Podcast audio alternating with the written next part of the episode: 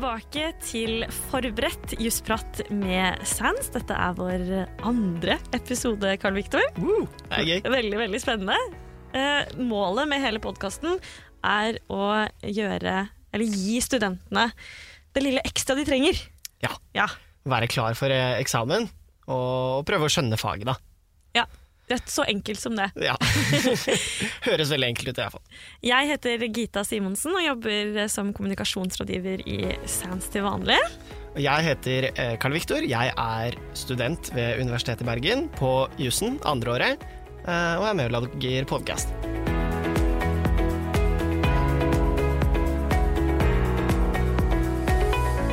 Eh, episode to det er egentlig en forlengelse av episode én. Det er det. eh, Og i forrige episode så snakket vi om et veldig sentralt tema i forvaltningsretten, det frie skjønnet. Og vi snakket om eh, hva et fritt skjønn er, og når det foreligger et fritt skjønn. Så i denne episoden så skal vi snakke om prøving av det frie skjønnet. Og da har vi med Halvdan, som er eh, partner i Sands. Hallo! Hei. Kjekt å ha deg med på telefon igjen. Sitt Jeg sier litt om meg selv, så er jeg da som sist. eh, har eh, drevet og arbeidet med forvaltningsrett i ca. 30 år. Eh, da først som lærer på universitetet på Juristfakultetet i Bergen i eh, ti år. Eh, og hadde da masse undervisning på forvaltningsrett 2, og etter det så har jeg da vært advokat og stort sett jobbet med ulike forvaltningsrettslige spørsmål.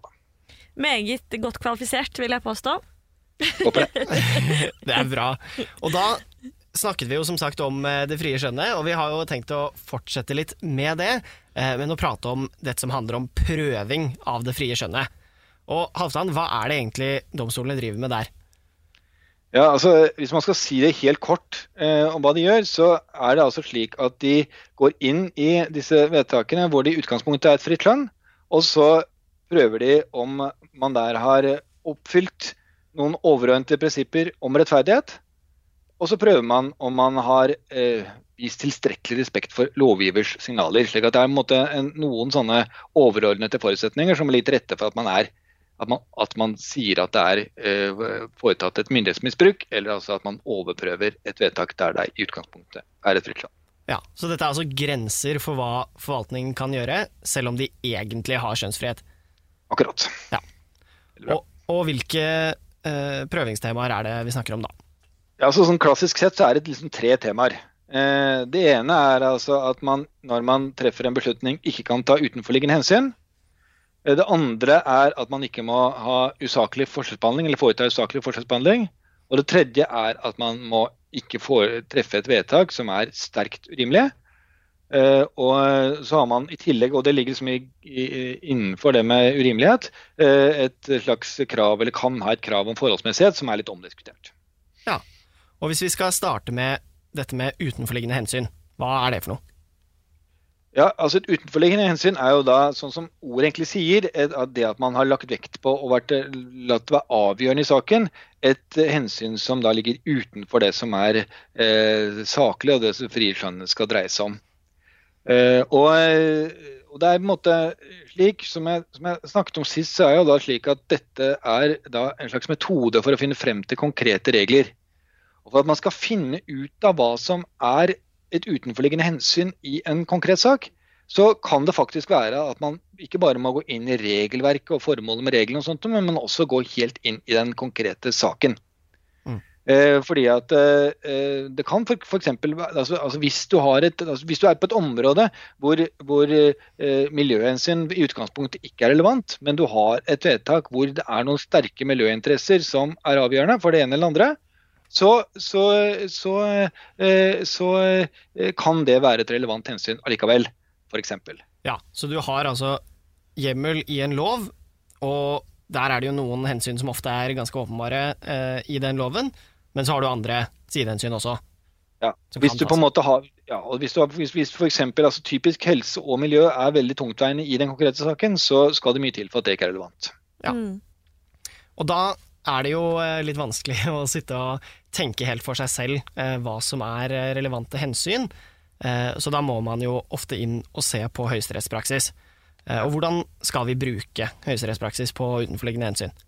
Altså, der er det igjen veldig viktig at man, at man altså For det første tror jeg det er viktig at man på en måte plukker seg noen dommer. Altså, jeg, tror det er viktig for studentene å tenke at det er, at det er ganske viktig i forvaltningsretten å kanskje kunne noen dommer veldig godt.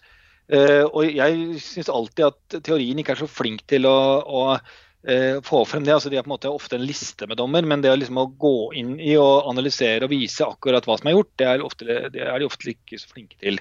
Jeg, synes er, altså jeg har alltid syntes at det, er en god strategi det er å kunne noen dommer eh, ganske godt. Mm.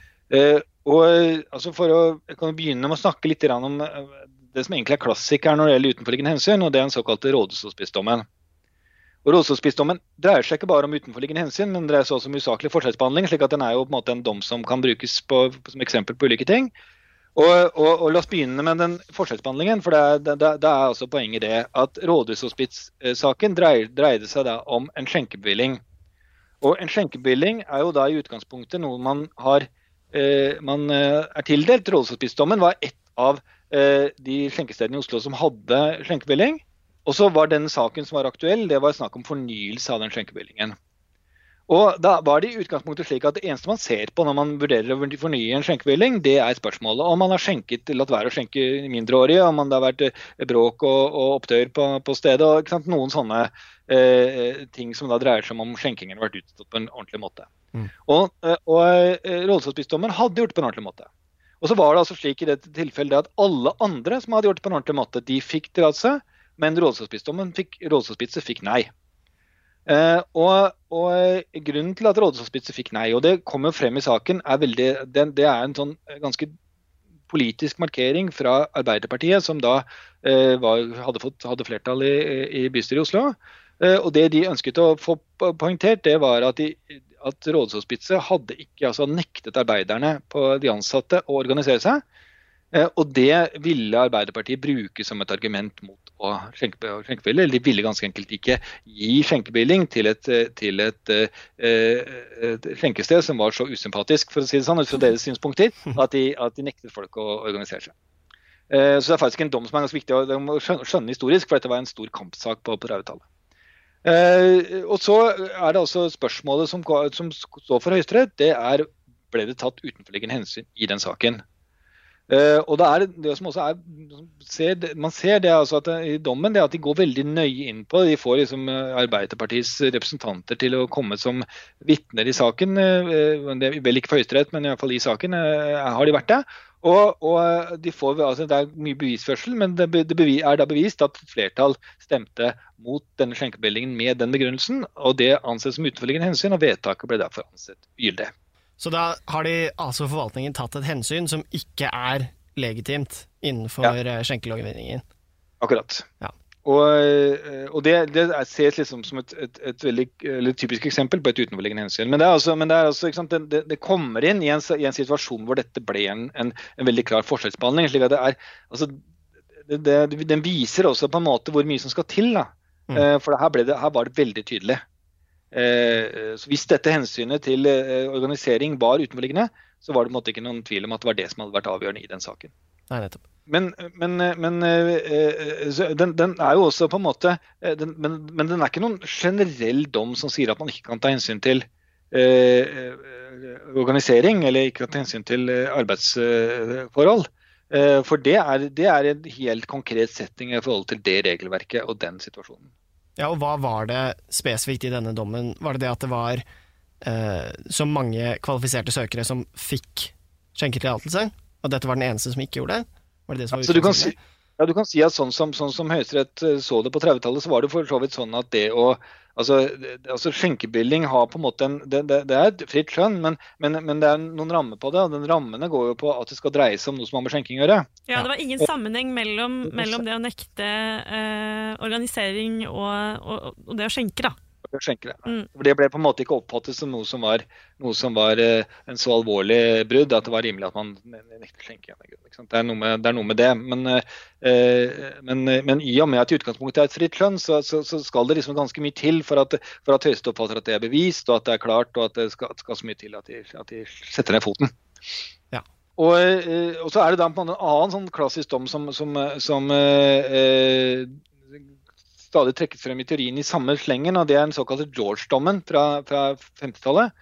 Eh, og Der er det ganske viktig å, å, huske på eller merke seg at den dommen dreier seg om noe som er ganske forskjellig.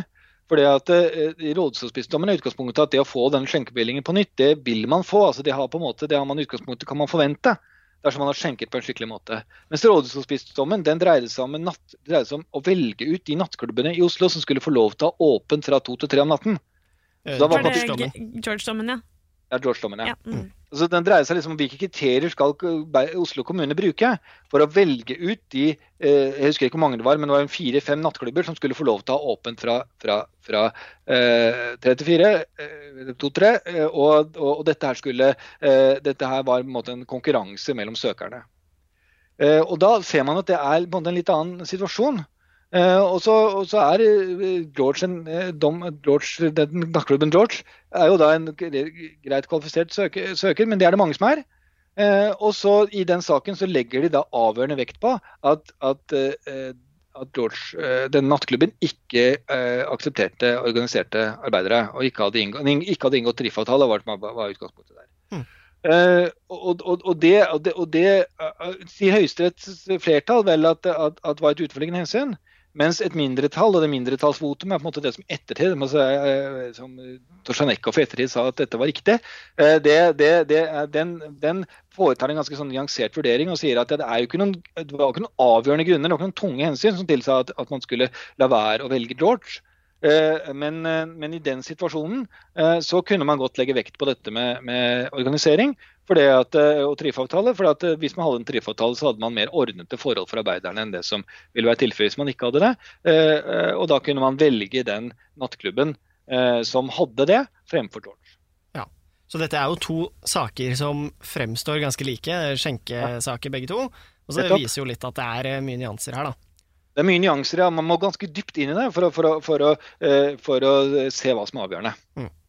Men det er en viktig ting til å nevne når det gjelder usaklig forskjellsbehandling. og Det er, det er liksom advokatperspektiv på det. Altså, det for det er, eh, altså, Usaklig forskjellsbehandling innebærer det er en situasjon hvor du har et vedtak eh, med et resultat som du ønsker.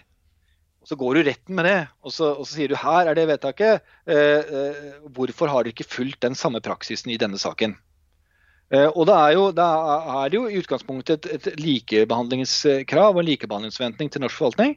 Og Poenget er det at når du har en sånn sak, eh, så, så har du et, et argument som, som, gjør at det er vanskelig for forvaltningen å eh, at De må på en måte forsvare hvorfor de har kommet til et motsatt resultat.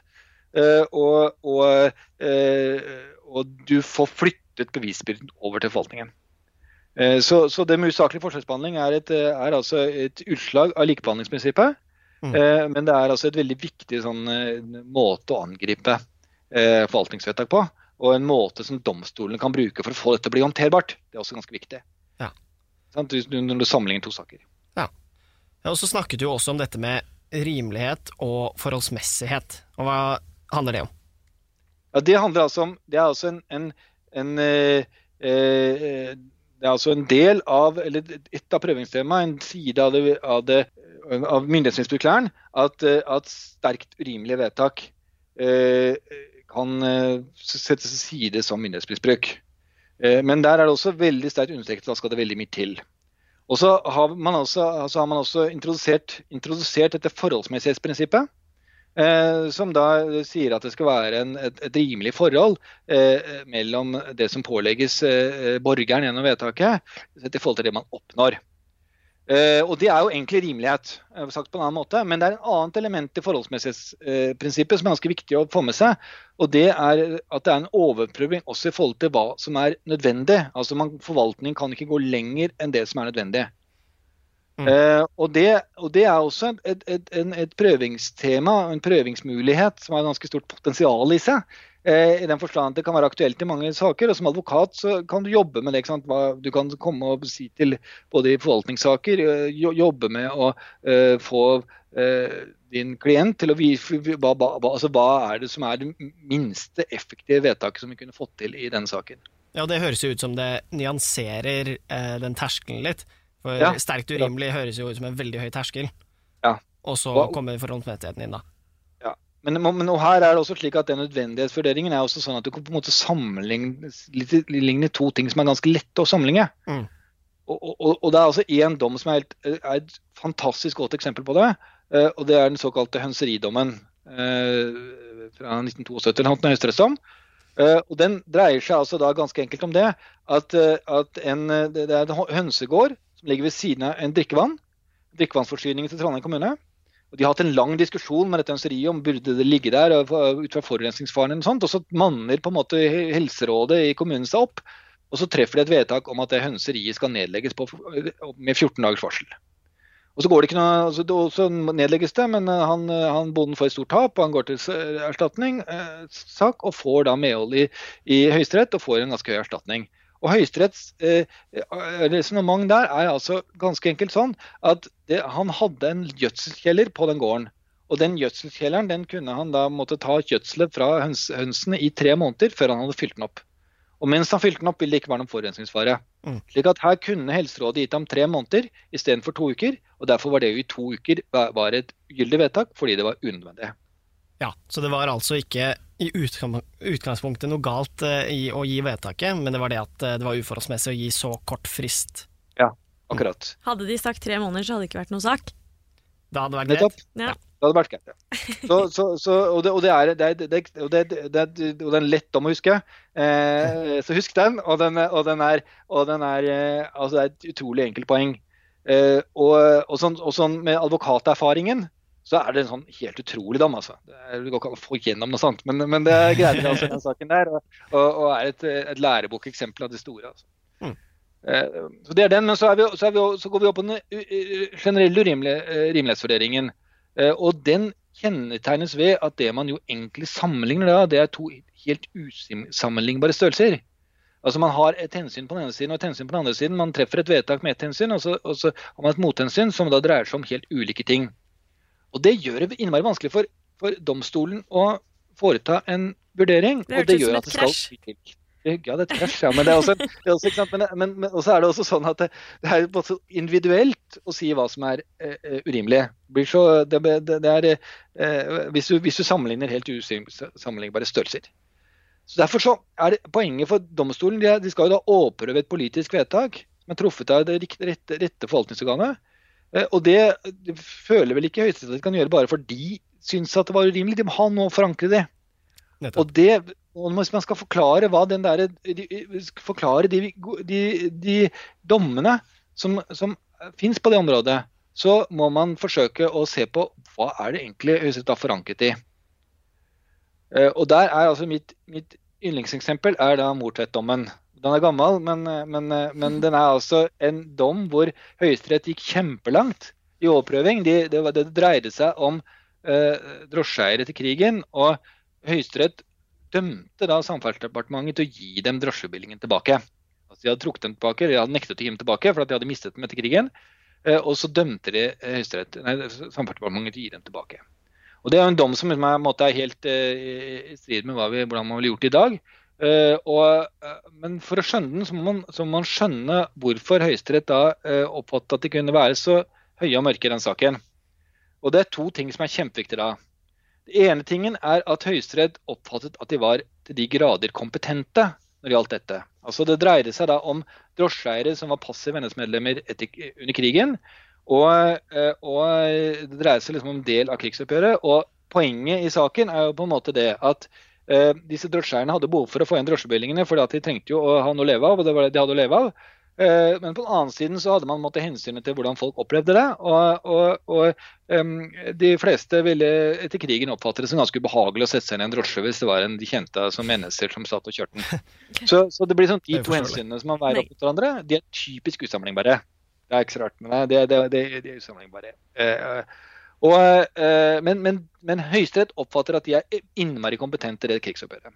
De var med å styre det, og det var veldig viktig for det var veldig tøft de første årene. og Så skulle man liksom rehabilitere folk etterpå. og Nå befinner vi oss på 50-tallet, rehabilitering er veldig viktig, og de følte at de hadde mye mer peiling på dette enn Strafferdsdepartementet. Så Det er den ene siden av det. Og Den andre siden er at de hadde en forankring for løsningen i Stortinget. For Stortinget hadde tidligere diskutert spørsmålet om drosjesjåfører som hadde vært passive NS-medlemmer, om de skulle få lov til å få igjen jobben sin og fortsette å kjøre bil, kjøre drosje. Og så hadde Stortinget vedtatt at det burde det. Det måtte få lov til. Og Det viser Høyesterett til i, dommen, og det viser på en måte at de har en, en stortingsforankring, lovgiverforankring i resultatet sitt, som også er viktig for, for de, de, tingene. Så det er en urimelighetsvurdering som på en måte, når de får på en måte noe å forankre den sammenligningen av størrelsene med. altså. Ja, så her hadde altså Høyesterett noe å forholde seg til, så de slapp å sitte og bare synse helt fritt eh, om hva de syntes var rimelig. Mm. Ja. Og så er det vel Eh, også eh, viktig dette du nevner med at eh, dette var passive NS-medlemmer. Eh, hadde vel utfallet blitt annerledes hvis dette var eh, ja, de verste gutta. Ja, ja da, de verste. Ja, det, altså, det er klart, altså, det, er, det er på en måte, ikke sant? Det, er, det, er- det er tydelig at her ligger det en, en balanse sånn sett også. Eh, så det blir, det, Man ser jo på en måte at den der avveiningen eh, eh, skjønner vi jo i dag også at den, den, den har jo ikke vært eh, kjempeenkel. Det som gjør denne dommen eh, aktuell, da, for, eller hvorfor vi snakker om den nå, er at det er disse to tingene du nevner som, som er viktig å ta med seg videre. Altså, altså det, som, det, som er, det som er viktig i forhold til den rimelighetsvurderingen, det er altså at det, det skal veldig mye til. Og men når Høyesterett gjør det, så er det, så er det eh, fordi at de eh, opp, altså I den saken oppfatter de seg veldig kompetente til å gjøre det, men det var også fordi at de hadde en stortingsforankring. Ja, men det er jo, som du sier, det er jo et vanskelig problemstilling for domstolene. eh, Og da er det jo i hvert fall en eh, skummel problemstilling for oss eh, jusstudenter. Er det noe som er litt skummelt å begi seg ut på på en eksamen, f.eks.? Ja, altså det, Er man invitert til å få ut en rimelighetsvurdering, så må man ha foretatt den. Men det, så, det, så det dreier seg jo mer om hva man, hva man, skal, hva man skal være ute etter. Nå er det jo for så vidt litt sånn, det er, er jo, altså Særlig hvis man har en praktikum, så er det jo litt sånn spørsmål om hva man, hva man har eh, fått. Altså hvilke argumenter man har fått. Ja. Eh, men, men, eh, men altså en, en, en, en en, sånn konklusjon med at, man, at, at, at vedtak er urimelig, det bør man forankre et eller annet. Og hvis, hvis oppgaven er godt skrevet, for sånn er det jo, altså jeg mener, oppgaver er godt og dårlig skrevet, men altså hvis oppgaven er godt skrevet, så bør den jo helst inneholde et eller annet man kan bruke som en sånn forankringspunkt. Ja. Altså For eksempel så, så ville jo jeg, hvis jeg hadde tenkt meg godt om, lagt inn en sånn, eh, en sånn eh, henvisning til et eller annet stortingsvedtak eller noe sånt, som gjør at, eh, at, at her har man noe å, si, noe å bruke for å si at, eh, at lovgiver faktisk har ment noe om hvor urimelighetsgrensen går her, eller hvordan den urimelige skal være her. Og sånn helt generelt eh, fra eh, praksis fra Høyesterett om eh, rimelighet, hva, hva er det man bør Hvis det er én ting man bør sitte igjen med til eksamen, hva tenker du av det?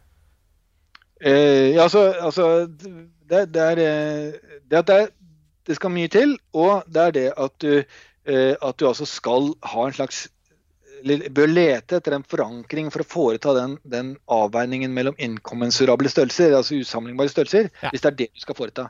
Så Du, måtte være ganske, du må være ganske, ganske bevisst på eh, å beskrive den balansen. Også hva er hvilke hensyn er man skal ta, ta, ta imot, uh, veie imot hverandre, og hvorfor er dette urimelig? Og, og, eh, og man kan gjerne, altså Det er liksom det man skal være opptatt av. altså. Eh, Få beskrevet hva den urimeligheten ligger i, og reflektere rundt det. Hvis man får et sånt spørsmål. Det høres ut som noe man kan eh, klare å få til hvis man eh, Ja, altså egentlig, e- egentlig er, det, er det veldig enkelt. Altså, det er jo sånn med, med praktikum at alt ligger der. Det bare gjelder å bruke det på etter måten. ikke sant? Så det er jo, det er jo Er ikke sånn livet generelt er? Jo da, men, men det er til de grader. Så det er, og eksamen er også sånn. at man, man? Det er lett å tenke sånn at man i utgangspunktet så er alt avgjort på forhånd. Det er et spørsmål om hvilken kunnskap man greier å gå inn i eksamenslokalet med. Men, eh, men, eh, men realiteten er at alle studentene som, løser en eksamensoppgave, de har nok kunnskaper til å løse den godt. Eller bare bruke den på rette måten. Det er, liksom, det er, det er eh, også en av de gylne reglene om eksamen. altså. Ja, men det er altså nok en gang, sånn som vi har snakket om tidligere, ikke noe grunn til å sitte og pugge nøyaktig hva Høyesterett har sagt om eh, hvert enkelt lille spørsmål. Nei, det er absolutt ikke der man skal fokus. Det man skal fokus på, det er å prøve å, å, å reflektere rundt hvordan Høyesterett har resonnert. Altså. Hvordan har de brukt argumentene, og hva har de ment, hva, hvordan har de tenkt. Er ikke det en ganske fint punkt, punktum? Jeg syns det er et uh, veldig godt punktum. Eh, tusen takk eh, for at du var med oss i dag igjen, Halvdan Melby. Eh, vi skal ikke se bort ifra at du dukker opp i podkasten vår eh, seinere, skal vi det? Nei, jeg kommer iallfall ikke til å si nei hvis jeg blir spurt. Det er veldig hyggelig. Og så må du der ute, hvis du har noen spørsmål eller innvendinger til eh, episoden, eller bare vil si hei, så send det til gsi at sans.no. Takk for nå. Takk for nå. Ha det. Ha det. Du og da, Hattan. Du må si ha det. Ja, ha det. Unnskyld.